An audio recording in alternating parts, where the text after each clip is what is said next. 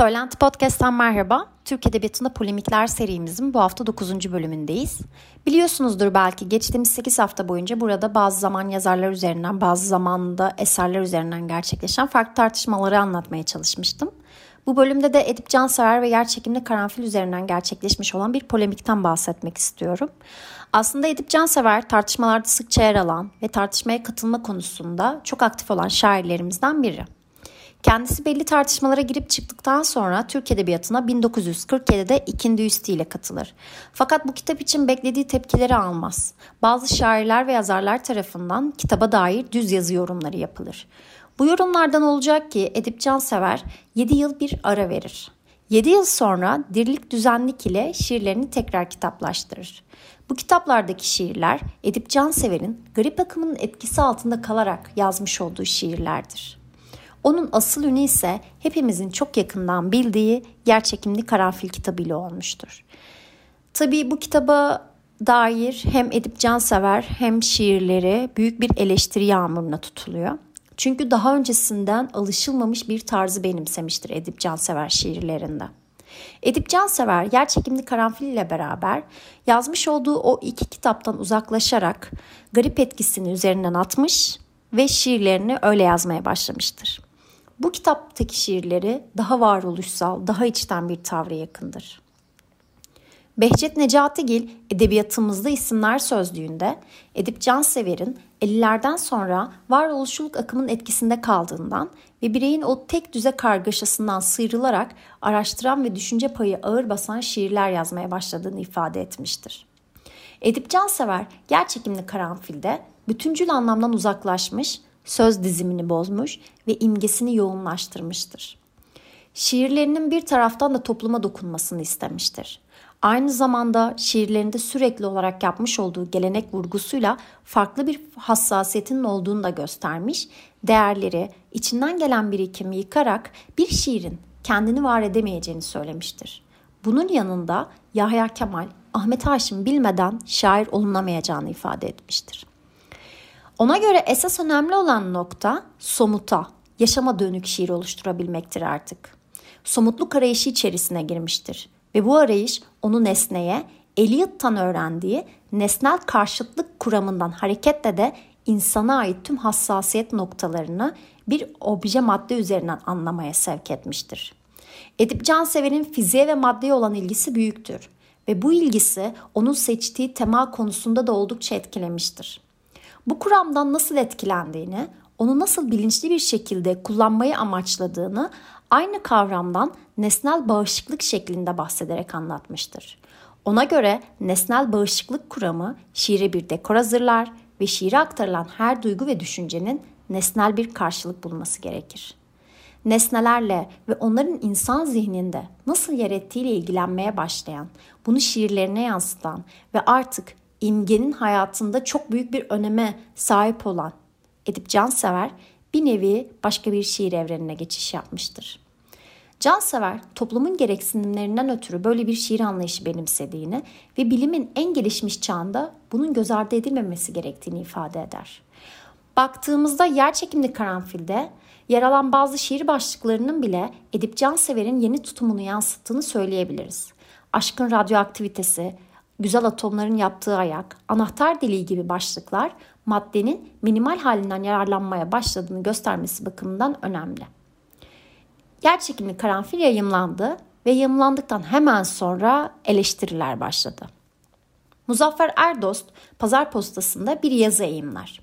Erdost kitaptaki şiirlerin bir değişim süreci ürünlerinin olduğunu fakat sağlam şiirler olarak değerlendirilemeyeceğini söyler. Cansever'in şiirlerinde bir zenginliğin var olduğunu ifade eden Erdost bunu da şiirlerini yazarken yararlandığı yeni alanlara atfeder. Ona göre kim yerlerde başarılı, kim yerlerde başarısızdır. Erdost'a göre yer çekimli karanfildeki şiirler garip şiirin izinden gitmektedir.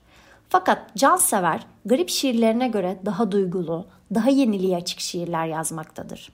Yine Erdost'a göre bu şiirler Orhan Veli artığı şiirlerdir. Ona göre Edip Cansever şiire bir fikir yerleştirmiş fakat bu fikir şiirde sadece vasıta olabilmiş ve şiirin çok gölgesinde kalmıştır. Ama genel anlamda kitabı beğendiğini ve yeni şiirimize bir örnek olabileceğini de söyler. Burada şöyle bir şey var. Tartışmaları başlatan Muzaffer Erdos değil. Tartışmaların başrolünde Sezai Karakoç var. Sezai Karakoç da Pazar Postası'nda bir yazı yayımlar kitaba dair. Yayımladığı bir materyalist şiir başlıklı yazısı materyalist şiir şair tartışmasını başlatır. Karakoç'a göre Edip Cansever eşyanın salt pozitif yanını almış, metafizik yönünü yakalayamamıştır. Bunu yaparken de çokçu bir tavırla nesnelerin çoğu hallerinden ibaret bir bakışla şiir kurmuştur. Karakoç'a göre Cansever'in şiirinde eşya çıplak bir madde, negatif bir şimdiki zamandır. Ve Cansever insanı bile maddi bir motif olarak sunar. Ayrıca Cansever'i toplumcu duyarlılığı olan bir şair zannettiğini ancak yanıldığını söyleyerek de iğnelemekten geri durmaz. Karakoç'a göre Cansever artık toplumcu değil, çokçudur. Aşkı bile anlatırken sevişmek eylemini seçtiğini, bu konuda maddi olanın insan bedeniyle katılacağı eylem olan sevişmek üzerinden anlatıldığını vurgular. Bu derece maddi bir yaklaşımın Batı şiirinde bile yer almadığını söyler Karakoç. Bununla birlikte Karakoç, materyalist bulduğu şiirlerin resim çağrışım tekniğinden yararlanarak bir soyutlamaya gittiğine ve bu yolla soyut güzellik işaretlerine ulaşabildiğine değinir. Sezai Koç'un bu yazısına karşılık cevap Edip Cansever'den gelmez. Cevap Yeditepe dergisinden gelir. Yeditepe dergisi bir yazı yayımlar. Ve Karakoç'un Cansever'de yenilerin etkisi vurgusu yapmasını müneccimlik olarak yorumlar. Tabii sadece bu kadarla kalmaz. Ülkü Tamer de Karakoç'un bu yazısına karşılık bir yazı yazar. Yazının başlığı Karakoç'un yanıldığıdır. Ülkü Tamer, Cansever'in Turgut Uyar yahut Cemal Süreyya gibi şairlerden etkilenmediğini söyler. Ayrıca Ülkü Tamer'e göre Karakoç şairani bir hayal gücünden yararlanarak aceleci benzetmeler yapmıştır. Ülkü Tamer kendisi gibi manevralara dahil olmayan kişilerin bu iddialara gülüp geçeceğini söyler. Pazar Postası gazetesinde bu tartışmalar sürerken Ahmet Oktay da Şiir ve Madde adında bir yazı yayımlar. Oktay, şiir ve maddenin birbirinden ayrılamayacağını, soyutlanmışken bile maddenin sınırları içerisinde kalacağını ifade eder. Ahmet Oktay direkt olarak Sezai Karakoç'a karşı çıkmaz.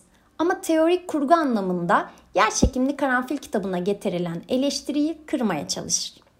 Ahmet Oktay şiirin kısırlaşmış maddeden çoğalmış maddeye geçiş olduğunu belirtir ve simgesel atmosfer kuramının şair için aslında tek çıkış noktası olduğunu ifade eder. Ayrıca şairin doğa tasvirleriyle maddeyi şiire taşıdığını, buradan ruhsal bir deneyime ve daha karmaşık görüntülere geçiş sağladığını belirtir. Ahmet Oktay, Sezai Karakoç, Ülkü Tamer arasında tartışmalar e, gidip gelirken Asım Bezirci de Halis Acar'ın mahlasıyla polemiği genişleten nitelikte bir yazı yazar. Bezirci, Karakoç'un cansever şiirine dair yaptığı materyalist çıkarımların doğru olmadığını, onun bahsettiği çizgideki şiirlerin yer çekimli karanfilde bulunmadığını belirtir. Bununla birlikte Asım Bezirci, Sezai Karakoç'un iddialarını boşa çıkarmak için Cansever'in şiirine dair daha istatistiksel veriler sunar ve aynı zamanda burada önemli olan noktanın Edip Cansever'in kendine has şiir üretebilmesi olduğunu söyler. Burada ilginç olan bir şey var. Asım Bezirci'ye cevabı Sezai Karakoç vermez. Cevap Cemal Süreyya'dan gelir. Cemal Süreyya, Asım Bezirci'ye cevap kabul edilebilecek nitelikte bir yazı yazar. Yazının başlığı şiiri unutanlardır.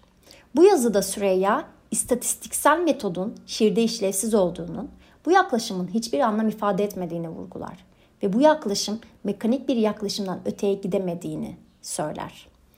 Onun için şiirde duygunun, düşüncenin önemli olması gerektiği ve şiire bu kadar matematiksel yaklaşılmasının yanlış olduğunu ileri sürer Cemal Süreyya. Tartışmalar giderek büyür. Artık iş yer çekimli karanfilden çıkmıştır. Kişilerin şahslarına doğru inmiştir. Bezirci Cemal Süreyya'yı Karakoç'un tarafını tutmakla suçlamıştır. Ve Karakoç artık bu yazılanlara büyük bir nefret duymuş, 1958'den itibaren susmayı tercih etmiştir.